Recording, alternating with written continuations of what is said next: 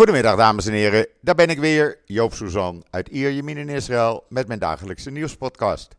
Straks heb ik in de podcast uh, een gesprek met Wier Duk. Uh, ik denk dat het wel uh, interessant weer gaat worden, zoals gebruikelijk met Wiert. Maar eerst even het weer. Nou, het is winter in Israël. En hoe?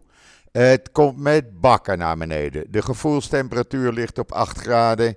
Uh, er staat behoorlijk wat wind. En het is gewoon uh, winter. Ja. En dat gaat nog wel even duren. Uh, dinsdag zou het hoogtepunt zijn, zegt men. en de hele week blijft de regen voortduren. Overstromingen overal rond de Dode Zee. zelfs in Tel Aviv. natuurlijk in de Negev, in het noorden. Ook bij mij in de straat was vrijdagmiddag en gisteren momenten dat de regen zoveel, uh, dat het zoveel water was, dat gewoon de straat helemaal blank stond en je door een soort riviertje reed. Maar goed, het is normaal, het is geen klimaatverandering, het hoort erbij in deze tijd. En dat, uh, ja, dat kan duren tot eind februari. We zullen het gaan zien en meemaken. En dan het belangrijkste nieuws. Ja, het belangrijkste nieuws was natuurlijk vrijdag met het eh, ICE. En uh, ja, uh, voor Israël natuurlijk een gunstige uitspraak, laten we het maar zo zeggen. Hamas was er ook blij mee. Palestijnen waren als overwinnaar uit de strijd gekomen, zeggen ze. in principe komt het erop neer dat Israël moet binnen een maand laten zien wat ze allemaal doen om het leven van de mensen in Gaza uh, draaglijk te maken. Nou, dat doen ze, proberen ze nu al. Uh, Hamas moet de gijzelaars uh, vrijlaten. Nou, dat doen ze niet. want dat is hun, ja, hun beveiliging eigenlijk. het gerucht gaat dat meneer Sinwar, de Hamas-leider, een aantal gijzelaars om zich heen heeft verzameld als uh, beveiliging. Waar de rest van uh, de gijzelaars zijn, weten we niet. We hebben een, er is een videoclip. Ik heb hem niet gezien. Ik wil hem ook niet zien. En we gaan hem hier in Israël ook niet zien. een videoclip van drie meisjes. ja, die zien er verschrikkelijk uit. Als je ziet het verschil. Ik heb de foto van voor 7 oktober van hun en na 7 oktober bij elkaar gezet. Je kan ze op social media zien. Dan zie je wat die meisjes doormaken dagelijks. Ja, en dan voor de rest hier in Israël. Uh, ja, men is nog steeds een beetje depressief, laat ik het maar zo zeggen. En dat komt niet door het weer. Het komt, heeft echt te maken met de situatie waarin we leven. Mijn broer heeft uh, net een uh, column geschreven. Die heb ik net online gezet. een uurtje, twee geleden. Uh, die heel veel duidelijk maakt van hoe wij ons voelen hier in Israël. Je moet die column maar, column maar even lezen. Hij staat op social media. Hij staat op israelnieuws.nl. Daar kan je hem lezen. Op Israël Nieuws uh, kan je ook lezen het verhaal van de Fouda-acteur uh, die uit het ziekenhuis is gekomen. ja, dat was nogal emotioneel. Idan uh, Amadi, uh, ja, die, uh, die moest huilen. Want zoveel van zijn vrienden waren gesneuveld terwijl hij gewond raakte. ja, en dat, dat is iets wat je niet wil meemaken natuurlijk. Lees dat op israelnieuws.nl. Waar ook het verhaal staat van een overlevende van de Holocaust. 100 jaar uh, is hij nu. En hij moest weg uit zijn kibbutz en zit nu in een hotelkamertje. De kibbutz die hij heeft helpen oprichten. En voor de rest natuurlijk heel veel video's en foto's van de strijd in Gaza van de IDF. Die staan constant op uh, israelnieuws.nl. Waar je ook een videootje ziet waar David Grossman, de beroemde schrijver, een kinderliedje uh, een slaapliedje voor kinderen zingt. En dat zingt hij voor baby Kvier, eh, nog steeds gegijzeld in Gaza. Uh, en dan de verklaring van gisteravond van premier Netanyahu. Die heb ik letterlijk vertaald op Israël Nieuws gezet. Waarin hij zegt dat de uitspraak van het uh, ICE laat zien dat de lessen van de Holocaust niet zijn geleerd. Niet zijn geleerd. Ja, we zitten vandaag op uh, International Holocaust Day. Ook in Nederland uh, wordt de Holocaust herdacht.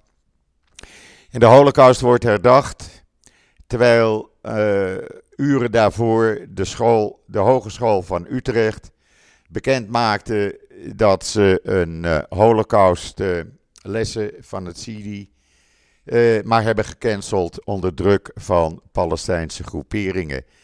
Want ja, de omstandigheden zijn gewijzigd. Ja, Amahula zegt, gisteren rijden er honderden auto's met Palestijnen door Rotterdam, luid toeterend, zingend van de river to the sea. Uh, dat kan allemaal. Uh, Holocaust Day is geweigerd. ja, wat, wat, waar zijn we mee bezig in Nederland? Dit kan gewoon niet. in Amsterdam is een oproep om de replica van het VOC-schip, de Amsterdam, maar uit het Amsterdamse stadsbeeld te verwijderen. Want dat doet denken aan de geschiedenis. Ja, Amahula. Geschiedenis moet, moet verteld worden. En daar moet je je niet voor schamen. Dat is onderdeel van ons leven. En het zal mij niet verbazen als binnenkort in Nederland helemaal geen lessen meer over de Holocaust uh, of de Jodenvervolging worden gegeven. Helemaal geen lessen meer over de Tweede Wereldoorlog. Gewoon onder het mom van, ja, de situatie is veranderd. Ja, zeg, kom op. Laten we trots zijn op onze geschiedenis. Ook al is die moeilijk. Maar geschiedenis maakt deel uit van je leven. En dat kan je niet zomaar van tafel vegen, omdat er groeperingen in het land zijn gekomen die daar, uh, het daar niet mee eens zijn. Die vinden dat het anders moet. Dat kan niet en dat mag niet. Nogmaals, je moet je niet schamen voor je geschiedenis. Echt niet. Dan doe je het verkeerd en dan, ja, als je kinderen helemaal niets meer leert over uh, het verleden. Ja, wij moesten nog leren op school wanneer Amerika ontdekt werd. Eh, dat wordt tegenwoordig helemaal niet meer gegeven, want ja, de omstandigheden zijn gewijzigd. Kom op zeg. Zo kan je niet doorgaan. Dat kan gewoon niet en dat mag gewoon niet.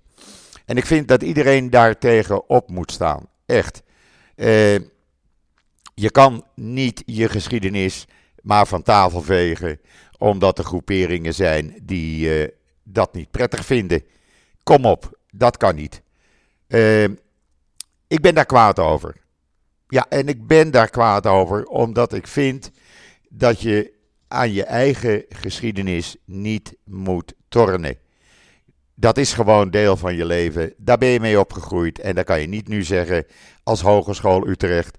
Ja, er is in Gaza iets gebeurd. Dus we kunnen lessen over de Holocaust niet gewoon geven zoals ze worden gegeven. Dat kan niet vanwege Gaza. Kom op zich. Wie is Gaza? Wat is Gaza? Wie is het begonnen? 7 oktober vielen barbaren, laat ik het zo maar noemen, Israël binnen. Vermoorden ruim 1200 mensen. Slachten baby's af. Verkrachten vrouwen en meisjes. Namen ruim 240 onschuldigen mee naar Gaza. Zo is het begonnen. Niet door Israël.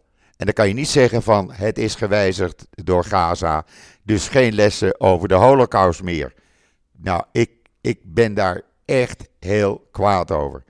Ik ga daar ook met, uh, met wie het over praten. Ik ben benieuwd wat hij daarvan zegt. Dat kan een interessante discussie worden. En die gaan we gewoon voeren. Uh, ik ga wie het bellen. En dan ben ik uh, met een seconde bij jullie terug. Ogenblikje graag. Nou, het is weer gelukt. Ik heb Wiert aan de andere kant van de lijn. Wiert, goedemiddag. Ja, goedemiddag Joop. Wiert, ik ben, um, ik ben kwaad. Ik ben kwaad ja, over het besluit van de Hogeschool Utrecht. Onvoorstelbaar, hè? Het is echt... Uh, ik had gisteren uh, even contact met mensen die daar dus mee te maken hebben, althans van CIDI. Ja, en die wisten natuurlijk ook totaal niet uh, wat hier gebeurde. En begreep ook totaal niet uh, wat, wat, dit nou weer voor idiote figuur is daar. Dus, uh, maar vertel eerst maar even, Joop, um, wat er aan de hand is. Dat jouw luisteraars even weten wat daar gebeurd is bij die hogeschool. Ja, nou, het schijnt dat er onder druk van Palestijnse groeperingen in Nederland. die vinden dat de omstandigheden gewijzigd zijn. omdat Gaza nu meespeelt.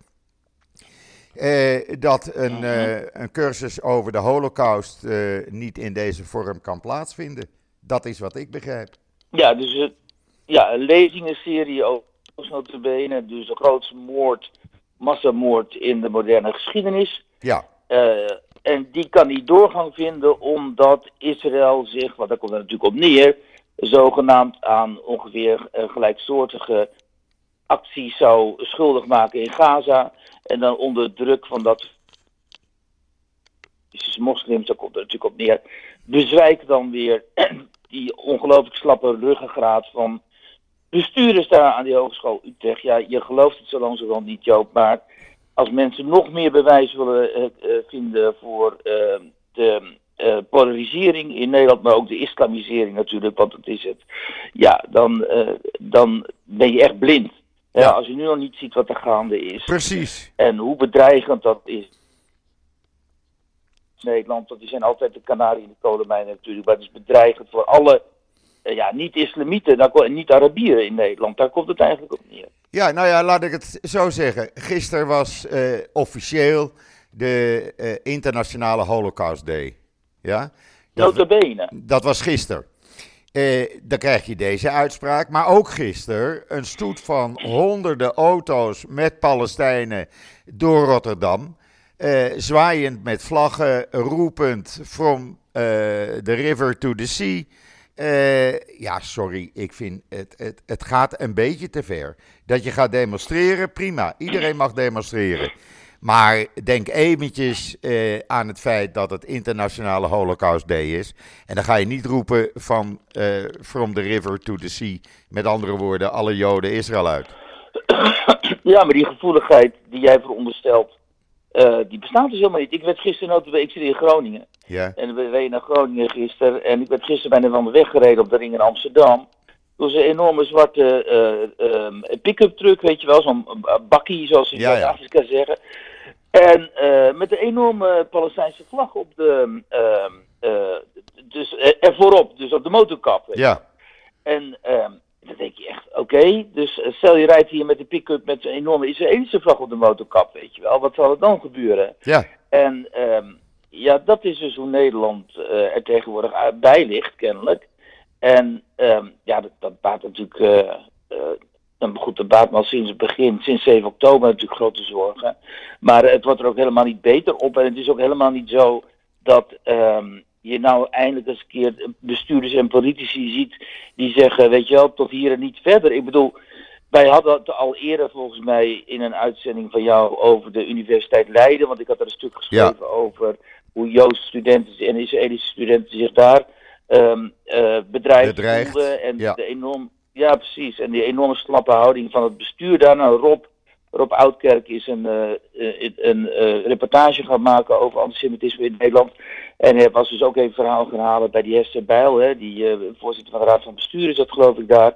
Ja, en als je dat dan ziet, weet je wel, het wegkijken en het weglopen en de angst bij die mensen, het is allemaal van een niveau. Um, ja, dat is dus wat wij, um, dat zijn dus precies de verhalen die wij helaas hoorden over de Nederlandse bestuurders en politici en ook de politie vooral ja. uh, uh, in de Tweede Wereldoorlog. En je ziet het gewoon voor je ogen van opnieuw, man. Dat ja. is toch werkelijk niet te geloven allemaal. Nee, het is niet te geloven. Het is echt niet Er is te... gewoon niks veranderd, joh. Nee, er is niets veranderd. Als dit het Nederland is van 2024, ik kan me dat niet voorstellen. Ik kwam me nee, dat... maar het is dus wel zo, Joop. En er zijn zo weinig mensen die zich uh, openlijk uh, uitspreken, maar dan ook echt gewoon op een heldere en, en, en, ja, en harde manier ook hè, over dat dit de Nederlandse rechtsstaat bedreigt. Dat dit ook niet, dat dit ook, ook niet is wat we willen in een westerse liberale democratie, notabene. Hè, als de enige democratie in het Midden-Oosten op zo'n manier wordt aangevallen als op 7 oktober. dan moet je stelling nemen. En iemand die dat bijvoorbeeld wel deed, sorry dat ik jouw tijd zo uh, nee, monopoliseer, maar, ik wil het even zeggen. dat is uh, Stefan Seibert, die ken je ongetwijfeld. Ja. Dat is de Duitse ambassadeur in Israël, de voormalig woordvoerder van Angela Merkel. Ja. Die altijd al opviel, ook toen hij woordvoerder was, als een intelligente en ook innemende man. Ja, en die neemt daar dan in het Hebreeuws, wat hij kennelijk goed kan, ja. een, uh, even een video op. Hè. Dan is hij daar bij die kibbutzing die zijn aangevallen. En dan neemt hij een video op waarin hij dus onomwonden zegt: Jongens, um, 7 oktober is de oorzaak van dit alles. En uh, de gijzelaars zijn, of de gegijzelden zijn nog niet vrij. En vergeet niet uh, wat de reden is voor het optreden van Israël in uh, Gaza. En daar kun je van alles over zeggen. Maar 7 oktober is de basis van wat hier gebeurt. En dan wil je zo graag dat de Nederlandse ambassadeur zoiets zegt. Hè? Of de Nederlandse minister van Buitenlandse Zaken bijvoorbeeld. Nee, maar nee hoor. Nou, en je weet zelf wel hè, hoe dat ministerie van Buitenlandse Zaken, en niet alleen dat ministerie, maar ook andere ministeries zijn vergiftigd door anti-Israëlische en, anti-Joodse ambtenaren, die uh, liefst een, liever een sit-in gingen organiseren tegen ons uh, beleid in zaken Israël, dan dat ze gewoon hun werk deden en uh, kritisch waren ook op de Palestijnen en op Hamas. Ja. Nou ja, dat is toch al een verschil. Ja. Hè? Ja, en, ik werd gisteren uh, door mensen erop geattendeerd van Joop, ga even kijken naar die uitzending van vrijdagavond van Op 1 uh, van oh, WNL. Ja. Ja. Daar zaten alleen maar uh, bestuurders en leden van de Rights Forum. Daar zat niet... Ja, daar zat die Nicolaas van Dam. Nicolaas zo, van Dam, die notabene ja. die demonstraties van buitenlandse zaken, van ambtenaren van buitenlandse zaken, heeft georganiseerd. Daar zit hij achter. Ja. Ja? En er zit niet één objectief iemand. Niet één. En dat moeten dan zogenaamd de mensen zijn die gaan uitleggen aan, de, aan het Nederlandse uh, kijkers hoe de zaak in elkaar zit. Dat is zo eenzijdig als het maar kan. Dat kan gewoon niet. Nou ja, dat is ook echt onbegrijpelijk, omdat op één wordt gezien als dan toch nog hè, het, het zeg maar, meest objectieve uh, praatprogramma van de publieke omroep. Was het? Um, dat was het in die, mijn ogen nu. die gastenlijst. Ja. Nee, ik ben dus ook niet gaan kijken, want ik zag die gastenlijst. Ik dacht, daar heb ik helemaal geen zin in. Dus ik ben weer, dan ga ik weer iets aan de tv gooien en zo. Um, ja, ik wou ook niet kijken, maar uh, toen bleef Esther uh, uh, druk op mij oefenen. Esther, Esther Voet. die zegt, Voet, ja, die heeft er nog wel vertrouwen in. Ja. nee, ze heeft er helemaal geen vertrouwen in. Maar ze zegt, Joop, je moet het even zien. Je moet het niet alleen maar hebben van lezen in in tweets of social media, maar ga het zelf zien ja. en oordeel zelf. Nou, dat heb ik gedaan. Ja, ik kon er niet van slapen. Ik heb er niet van geslapen, echt niet. Nee, hè? Echt nee, niet. nee, ik bedoel Joop, dat ik zie Esther dan ook tweeten en dan, ja, dan blijkt toch dat ze nog verrast is of teleurgesteld is dan in WNL Ja. en, en in het programma en zo. Terwijl ik heb het al lang opgegeven, joh. Ik, eh, ik heb er geen enkele hoop meer. Nou ja, WNL was nog de... gaat veranderen. de WNL was nog de enige eh, op televisie die eh, een beetje objectief was. Ja. Bedoel, in de media weten we het. Het is de Telegraaf en geen stijl die nog objectief zijn. Ja, die nog voor gewoon de waarheid durven uitkomen. Eh, Ja. Maar de rest is alleen maar anti-Israël. Het is alleen maar anti-Israël. Nou, en ik vrees zelfs anti-Joods. Hè, want het schemert het Nou, dat wil ik dan niet zeggen. Dat wil ik dan niet zeggen. Nou ja, maar dan zeg ik het wel voor jou. Ja. Want ik zie te vaak dat het gewoon op het randje van antisemitisme zit. Ehm, hè, en eh, dat soort berichtgeving. En, eh, en nou ja, op het randje, het is gewoon vaak. eh, je, je merkt gewoon het eh, anti-Joodse sentiment bij heel veel van die auteurs en van die programmamakers en zo. En, eh, en dat is ook waarom ik zeg, joh, ik heb er echt helemaal geen, geen vertrouwen meer in dat dit wel goed komt. Dus het enige wat we kunnen doen is moedig voorwaarts gaan. En proberen om nog enigszins een ander geluid te laten horen. Maar dan moet het publiek, dan moet de, eh, het publiek ook bereid zijn, het publiek althans dat, dat, dat wel objectief geïnformeerd wil worden, moet ook bereid zijn om naar die zeg maar, alternatieve media te gaan. Om dan wel de Telegraaf te lezen, of naar Geen Stijl te gaan, of naar podcasts te luisteren. Omdat, ehm, omdat ze moeten bes- beseffen dat ze elders absoluut niet het, ehm, het eh, hele verhaal te horen krijgen. En al helemaal niet een objectief verhaal. Nee, precies. Precies. Of nou ja, podcast Joop, hè? Nou ja, eh, Daarom promote ik die ook steeds. wij gaan ook gewoon door. Ik bedoel, we zijn nog Ja. met, een, eh, met weinigen, maar we, gaan, we vechten door. met ons allen zijn we toch sterk. En de waarheid moet gewoon verteld worden. En ja, wij vertellen ook als het niet goed voor Israël is. Ik bedoel, er gebeuren in Israël ook dingen waar we het niet mee eens zijn, wat niet kan. En dat Kijk, die buiten. regering Netanyahu is natuurlijk ook een ramp. En die, dat optreden van die settlers daar op de Westbank is dat kan gewoon niet. Vreselijk. En dat kan gewoon kan helemaal niet. Maar ja. je kunt niet doen alsof daar geen kritiek op is binnen Israël. Want we hebben nog voor 7 oktober massale demonstraties gezien Precies. tegen dat uh, bewind van uh, Netanyahu. Precies. Er zijn natuurlijk, die ook, uh, enorm veel Israëli's die totaal niet eens zijn met die politiek op de Westbank. Ik, ik bedoel, het is een democratie en dat wordt steeds vergeten. er wordt gedaan alsof dit soort monolithisch Joods blok is, dat niet alleen de wereld wil beheersen, maar ook Gaza wil uitroeien en zo. Dat, dat is zeg maar de, de ongeveer de kern van het verhaal van tegenwoordig. En het slaat helemaal nergens op. Nee. je hoeft, en zoals gezegd, je hoeft maar intern naar jezelf te kijken. Je ziet zoveel uh, kritiek op jou en zoveel weerstand tegen, tegen dat extreemrechtse beleid, uh, zo mogen we het wel noemen.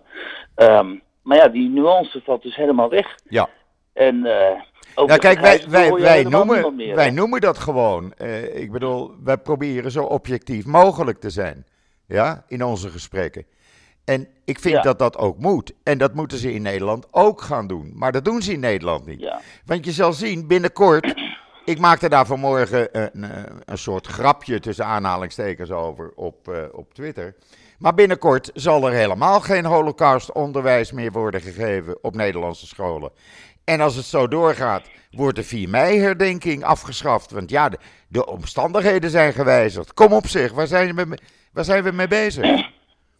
Nou kijk, ook al gaat die 4 mei herdenking door, ehm, dan nog uh, is hij natuurlijk enorm besmet geraakt door de alle reacties, ook de officiële reacties in Nederland. Ik bedoel, als je nu nog bij 4 mei herdenking uh, uh, mensen als die Nasruddin Jar en zo laat praten, ja, dan, dan, dan heeft het eigenlijk helemaal geen zin meer. Want wat, wat herdenk je dan nog, weet je wel? En omdat je de reacties hebt gezien.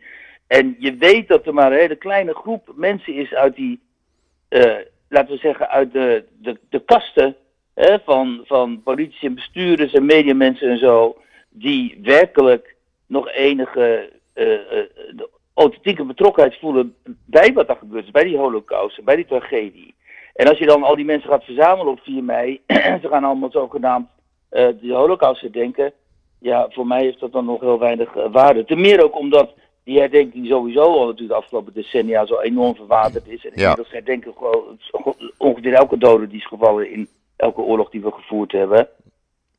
Uh, dus ja. Um, ik vraag, me, ik vraag me wel eens af, hè? Ik vraag me wel eens af weer. Hoeveel mensen in Nederland weten dat er 102.000 Joden zijn weggevoerd en vergast? Hoeveel mensen weten dat? Dat zijn er niet veel meer. Want men denkt alleen maar aan die 6 miljoen. Maar men weet niet dat er uit Amsterdam alleen al uh, bijna 80.000 uh, Joden zijn weggevoerd. Nee, nee. Dat, nou ja, kijk, nee, dat is zo natuurlijk. En, en die jonge generaties, die weten dat zometeen al helemaal niet nee. meer. Dus die, die hebben geen idee meer wat dat heeft betekend en wat het voor die nabestaanden heeft betekend. En ook hè, toen de Joden terugkwamen en hun huizen waren verdwenen en ze moesten nog extra nog even de gemeentelijke belastingen aftikken over de, hè, over de jaren dat ze konden hun huis niet meer in. Ze konden hun huis niet meer in. Ze konden gewoon hun huis niet meer in. Nee. En al die verhalen verdwijnen natuurlijk. en die jonge generatie, die zal daar grotendeels ook helemaal geen belangstelling meer voor hebben, die, nee. die TikTok-generatie. Dus eh, ik vrees dat we moeten accepteren, en het is natuurlijk echt, dat is echt schrikwekkend als je, daarbij, als je dat voorstelt, maar dat, dat we zullen moeten accepteren op een gegeven moment dat dat verhaal verdwijnt. Hè? Dus, dus dat je denkt dat het verhaal uit de geschiedenis dat nooit zal verdwijnen, omdat elke generatie zal worden doorgegeven als afschrikwekkend voorbeeld van wat het kwaad met de hoofd de kaak kan aanrichten. Hè? Dat ook dat verhaal in de geschiedenis zal, in de mist van de geschiedenis, zullen we het zo maar zeggen, ja. zal verdwijnen. En dat, dat is natuurlijk eigenlijk ja, dat is weliswaar onvoorstelbaar, maar uh, dat zit er wel aan te komen. Maar dat, dat, uh, verschil, dat verschil is er dat er in, in de Joodse families verdwijnen die verhalen juist niet. Hè? Eh, Nee, dus daarom moeten die Joodse families ook proberen om naar Israël te komen, vind ik. Nog altijd. Omdat ze weten dat hier in Europa eh, helemaal geen toekomst voor hen is. En al, eh, al helemaal niet voor hun verhalen. En dan, ja, wat moet je hier dan nog, weet je wel? Als zelfs mensen als ik hè, en mensen om mij heen eh, zien hoe het gaat in Europa en denken, moeten we niet op een gegeven moment, eh, als je dan met pensioen bent of zo, eh, ergens anders naartoe? Want dit gaat natuurlijk niet goed. Nou ja, wat, wat, wat moeten de Joden dan niet denken? Ja, precies. Denk ik dan altijd, weet je? Kijk, ik heb gisteren Ja, wat fotootjes van het Namenmonument online gezet. Eh, dat doe ik elk jaar, eh, sinds dat monument er is. Eh, daar staan een groot aantal namen gelieerd aan de Suzan-familie. Ja, direct, Ja. en, directe en indirecte familieleden. In totaal Ja, zijn wij als familie, met directe en indirecte familie, zijn we 337 familieleden kwijtgeraakt in de oorlog. Dat is een behoorlijk aantal. Ja? ongelooflijk. En ja. eh, eh, dat kan je je haast niet voorstellen. En die verhalen, die blijven bij ons in de familie levend. Ja, wij blijven praten over mensen die weggevoerd zijn. Omdat dat onderdeel is van je eigen geschiedenis.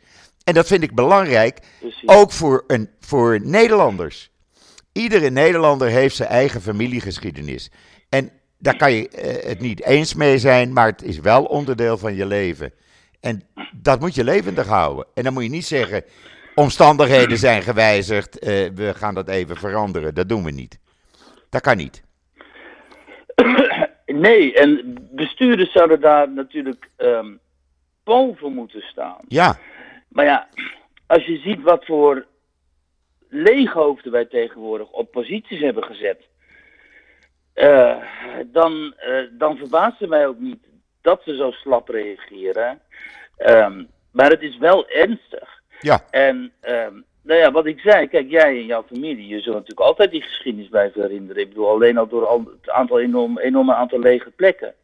Maar als het geen onderdeel meer is van ons collectieve bewustzijn en ons collectieve geheugen, dan verandert de aard eh, en van onze samenleving zozeer dat we ons moeten afvragen, wat is dan nog de gemeenschap die wij delen? Wat is dan nog de gemeenschapszin in de Ne- Nederlandse samenleving, die vroeger toch wel duidelijk was, want tijdens Ja. die oorlogen, hè, ik heb nog een aantal meegemaakt, eh, althans als kind, eh, tijdens die, die oor- oorlogen die Israël voerde tegen die Arabi- Arabische landen, was heel duidelijk waar Nederland stond. En nu is dat dus niet meer zo, en nu zijn we gekanteld naar, een, eh, zeg maar, naar de andere kant. Dus we, welke normen en waarden en Ja. welke geschiedenis delen we dan nog, Ja. weet je wel. Kijk, wat er eh, En- in, en- in 1973 gebeurde, dat, dat eh, eh, minister van Defensie Vredeling op eigen houtje raketten naar Israël stuurde, zal nu niet meer gebeuren. Dat zal nooit nee, en gebeuren. Uyl, die was toen premier, die wist dat niet. Maar later zei hij, jij vond het eigenlijk wel prima dat Vredeling Ja. dat had gedaan. Ja, Want, eh, nou ja, toen had je nog echte kerels natuurlijk ook, hè, in de, in, in de politiek en in de regering. En die ontbreken natuurlijk, eh, hè, tegenwoordig hebben we hele andere mensen van andere, eh, laten we zeggen, signatuur in, de regering zitten. ja, Ehm, maar ja, nogmaals, als je. ehm, En dat geldt natuurlijk niet alleen voor Nederland. Dit, hè. De, de, dit geldt voor eh, heel veel Europese landen. En je ziet dat Duitsland vanwege die schuld van de geschiedenis en die zware last die ze meedragen, dat, die, eh, dat ze daar nog stand houden. ja. Ondanks alle kritiek die ze krijgen en zo, ook vanuit de eigen samenleving. Ehm, maar in andere landen is het natuurlijk net zo slecht. Het is wereldwijd. ehm, Neem, neem, neem Australië, Sydney. Hè? Er zijn hier beelden, Ja, ik heb ja. ze online gezet. Daar wordt al drie dagen lang door in het zwart geklede neonazis door de straten gemarcheerd. Ja. Oh, echt ja? Ja, echt. Dus dan heb je een combinatie van neonazies en radicale moslims die daar dan tegen Israël eh, ageren. Eh, waarschijnlijk. Ik heb de video van die eh, neonazis online gezet op Twitter. Of op Ja. X heet dat dan Ja. tegenwoordig. Het is wereldwijd is het aan de gang. Maar als we ons nou even op, alleen tot Nederland houden. Gisteren die, op, of die uitspraak van dat VOC-schip, die replica, de Amsterdam. Oh ja, nou ja, je gelooft het toch gewoon niet. Je gelooft het toch gewoon niet. Dat schip moet weg. Nou ja, kijk. ja, dat schip moet weg, want het is een replica van een VOC-schip. Ja, kom op. Ehm, Nou ja, dat bedoel ik. We hebben dus overal nitwits benoemd in posities waar ze niet zouden moeten zitten. Um, en kom daar maar weer eens vanaf. Ja. En die mensen die, die zeggen allemaal verslagen, uh, waanzinnige dingen eigenlijk, zoals over het VOC-schip. Kijk, ik ben een historicus. En als iemand zo, en, en ik ken de geschiedenis van de VOC en, Ja. eh, en weet ook de grootheid daarvan, voor een groot deel. En, Ja. en, en, en je plaatst dat in een historische context natuurlijk, hè, die totaal anders is dan de huidige context. En als een een of andere mevrouw gaat roepen dat het VOC-schip een probleem is, ja, waar hebben we het in vredesnaam eh, over? Hè? Dus eigenlijk zouden al deze mensen gewoon ehm, eh, in mijn ogen eh, van baan moeten veranderen. En er zouden andere mensen moeten worden neergezet die wel competent zijn en wel inhoudelijk zijn. Ja. En niet politiek activistisch. En, eh, ja, en al- alleen op die manier kan Nederland worden hersteld. Kijk, Nederland heeft een. Ja, sorry dat ik een beetje geagiteerd ben, Nee, maar ik maar, eh, terug uit Zuid-Afrika. En ja. ik heb van daaruit kunnen zien nog hoe, hoe de ellende hier, hè, hoeveel, hoeveel, nou ja, hoe, laten we zeggen, hoe groot ellende hier is. Ja. Ehm, eh, Nederland heeft eigenlijk een enorm herstelprogramma nodig. In, het kan niet van links komen natuurlijk, want links is en met VVD helaas samen verantwoordelijk voor, eh, voor deze ellende. Met de gevestigde partijen samen, ook CDA.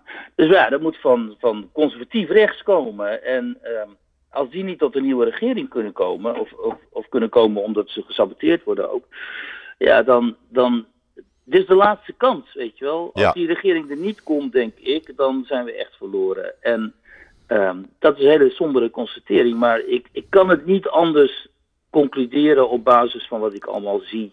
En wat ik ook in heel erg rap tempo in Nederland zie gebeuren Ja. en veranderen. Nou ja, kijk, ik, ik, ik, ik woon dan niet in Nederland. Ik kijk er dus van, van bovenaf op. En je ziet het dan Ja, zoveel duidelijker. Je ziet het zoveel duidelijker. Ja, Ik bedoel, want ja. je verzamelt al die berichten die, die je eh, naar je toe krijgt gezonden. Ja, en, en ik kijk Nederlandse televisie. Ik bedoel, dat is tegenwoordig geen enkel probleem. Je drukt op een app en je hebt het op je, op je grootbeeld. Eh, en dan zie je die, die lulverhalen. Ja, sorry voor het woord, maar het zijn lulverhalen. Het zijn onwaarheden die, die gewoon als waarheid op tafel worden gelegd. Ja, Ja, en ook met een enorm aplomp, hè. ja, ja. Het is niet dat te raar. geloven. Je ziet dus hele domme mensen eigenlijk, die helemaal niet geïnformeerd zijn, met een enorm aplomp allerlei fact-free verhalen gewoon opdissen aan die tafel. Ja. Hè? Ja. Dat je echt denkt, het is gewoon niet waar wat je zegt, weet je wel. En hoe kun je hiermee wegkomen dan? Hoe kan het dan dat je dit gewoon beweert zonder dat iemand jou tegenspreekt? Ja, dat, en dat is, dat is nog het kwalijke, hè? Dat presentatoren die capabel genoeg zijn, ja, en ik noem even geen namen, maar er zijn eh, echt capabele eh, eh, presentatoren die ik altijd gerespecteerd heb, die, die daar niet eens tegen ingaan, terwijl ik weet dat Nee. ze op de hoogte zijn. Durven ze dat niet? Mogen ze dat niet? Ik vraag het me af. Ik vraag het me echt af. Durven niet, want die, eh, dat durven ze niet, want ze hebben goed betaalde banen die ze niet willen verliezen. Ja, precies. En als jij, eh, zeg maar, quasi ruzie gaat maken met je gast omdat hij allerlei lulkoek debiteert. En, en jij zegt, joh, gast, dat is echt flauwekul wat je daar beweert. Ja, Dan heb je een schandaal in je uitzending en dat willen ze niet, want ze willen allemaal brave schoonzoon, schoonzoons zijn. Hè? En dan, eh, dus doen ze wel ja. gewoon weg met die flauwekul. Ja, ja. En daardoor, daardoor Ja. krijg je dus ja, eh, eh, dat bepaalde groeperingen dan de overhand gaan krijgen. Eh, degene met de grootste bek heeft de overhand. Ja. Heel simpel. Heel Al die activisten met hun grote mond, die lopen te schreeuwen en lopen in te spelen op schuldgevoel van al die, hè, zeg maar, witte bestuurders en politici en zo. Ja, we hebben gezien de Aquasi's en de, de Jerry Afriës en de Kikhout Zwarte Piet en zo. Eh, eh, wat? Ze krijgen niet alleen maar eh, gelijk, ze krijgen koninklijke onderscheidingen. ja, Je kunt dus dreigen met geweld, hè, wat het aantal van die mensen letterlijk heeft gedaan. En je krijgt gewoon een hoge koninklijke onderscheiding tegenwoordig. ja, je gelooft het niet. Weet je, nou ja, één, één ding dan. Ik was dus in Zuid-Afrika bij de Afrikaners, dus de afstammelingen van de Nederlanders daar. Ja, En een Nederlands koninklijk echtpaar was daar geweest in oktober. Ehm, dus die Afrikaners die hadden naar de ambassade daar geschreven: joh, hé, je is een schitterend monument voor de taal, voor het Afrikaans, wat eigenlijk Nederlands is natuurlijk. Het is een hele mooi monument voor de geschiedenis van de boeren hier, eh, de voortrekkers. Eh, in Zuid-Afrika, afstammelingen allemaal van Nederland. Nederlanders, eh, kan het koninklijk echtpaar daar niet ook iets aan doen? Nou, Ze hebben niet eens antwoord gekregen. En het hele bezoek ging alleen maar over kolonialisme en slavernij. En schuld voor de slavernij. En excuses voor de slavernij. Ach, En die hele bevolkingsgroep daar, die afstand van de Nederlanders. Die hebben helemaal niks gehoord, joh. Nee. En dan denk ik, ja, weet je, dat, dat is het dus. Dat is de dominante mentaliteit in Nederland eh, tegenwoordig. Geen enkel eh, ontzag en respect meer en belangstelling voor het eigen verleden. En we nemen gewoon de, de, de grieven en, eh, van anderen over. En we voelen ons schuldig en we knippen en we buigen. En, eh, ja, en dat is Nederland dan. Ja. En, en dan kijken we naar een land en de volk, de Israëli's en de Joden die dat niet doen. Die wel opkomen voor hun eigen staat en voor hun eigen volk en zeggen dit nooit weer. En dan gaan we hun bekritiseren. ja, het is de omgekeerde Ja, wereld. Staat van Nederland. Ja. Ja, Ja. echt hoor. Ja. Ik vind dit trouwens een goede afsluiting. Vind je niet? Ja, ik ook Joop. Want Ja. eh, inderdaad, wij moeten, ik zit met mijn zoon in een hotel in Groningen. En we hebben een afgrijzelijke nacht gehad. Want A, er was brandalarm. En B, toen ging het ook nog eens een keer heel erg lekker hier. En eh, we hebben nauwelijks geslapen, dus we kunnen Ach, nu pas ach, gaan ach. ontbijten. Nou, dan vind ik het enorm lief van je dat je toch nog even de tijd hebt genomen om in de podcast te komen. Ga lekker ontbijten. Ga lekker we hebben genieten. lekker kunnen renten, Joop, Ja. jou. Ja, we hebben even ons hart kunnen luchten. Ga lekker genieten van Ja, Groningen, want het is een prachtstad, vind ik. Eh, Oké man, ja, is ook zo. ja, absoluut. Eh, ik zei al in het vorige gesprekje, ik heb Gronings bloed. Mijn moeder komt uit Musselkanaal. Dus eh, ja, uit de Veenkolonie. Ja, ja, ik heb een zwak voor Groningen. Dus ook. geniet daarvan met je zoon. Oké, En bedankt hè. Joop, dankjewel. En fijn dat ik even in de podcast mocht. Oké, Ja, tot snel. Dag weer. dank je. Dag, dag. Dag Joop. Ja, dat was eh Wier Duk. Eh, ja, het is niet een vrolijk gesprek geworden, maar we hebben even ons hart gelucht. Ik hoop dat eh, jullie daar begrip voor hebben. Ik moest het even kwijt. Het zit me gewoon dwars. En ik hou niet van onrechtheid. onrecht. Kritiek, prima. Maar doe het wel op een eerlijke manier. Morgen, dan ben ik er eh, weer natuurlijk. En dan heb ik een hele speciale gast. Ik hoop dat het allemaal doorgaat, dat er niet plotseling iets tussen komt. Want morgen heb ik opperrabijn Benjamin Jacobs in de podcast. En daar voel ik me enorm vereerd mee. En daar kijk ik enorm naar uit. Dus zeg ik, ik ben er morgen weer. Tot ziens. Tot morgen.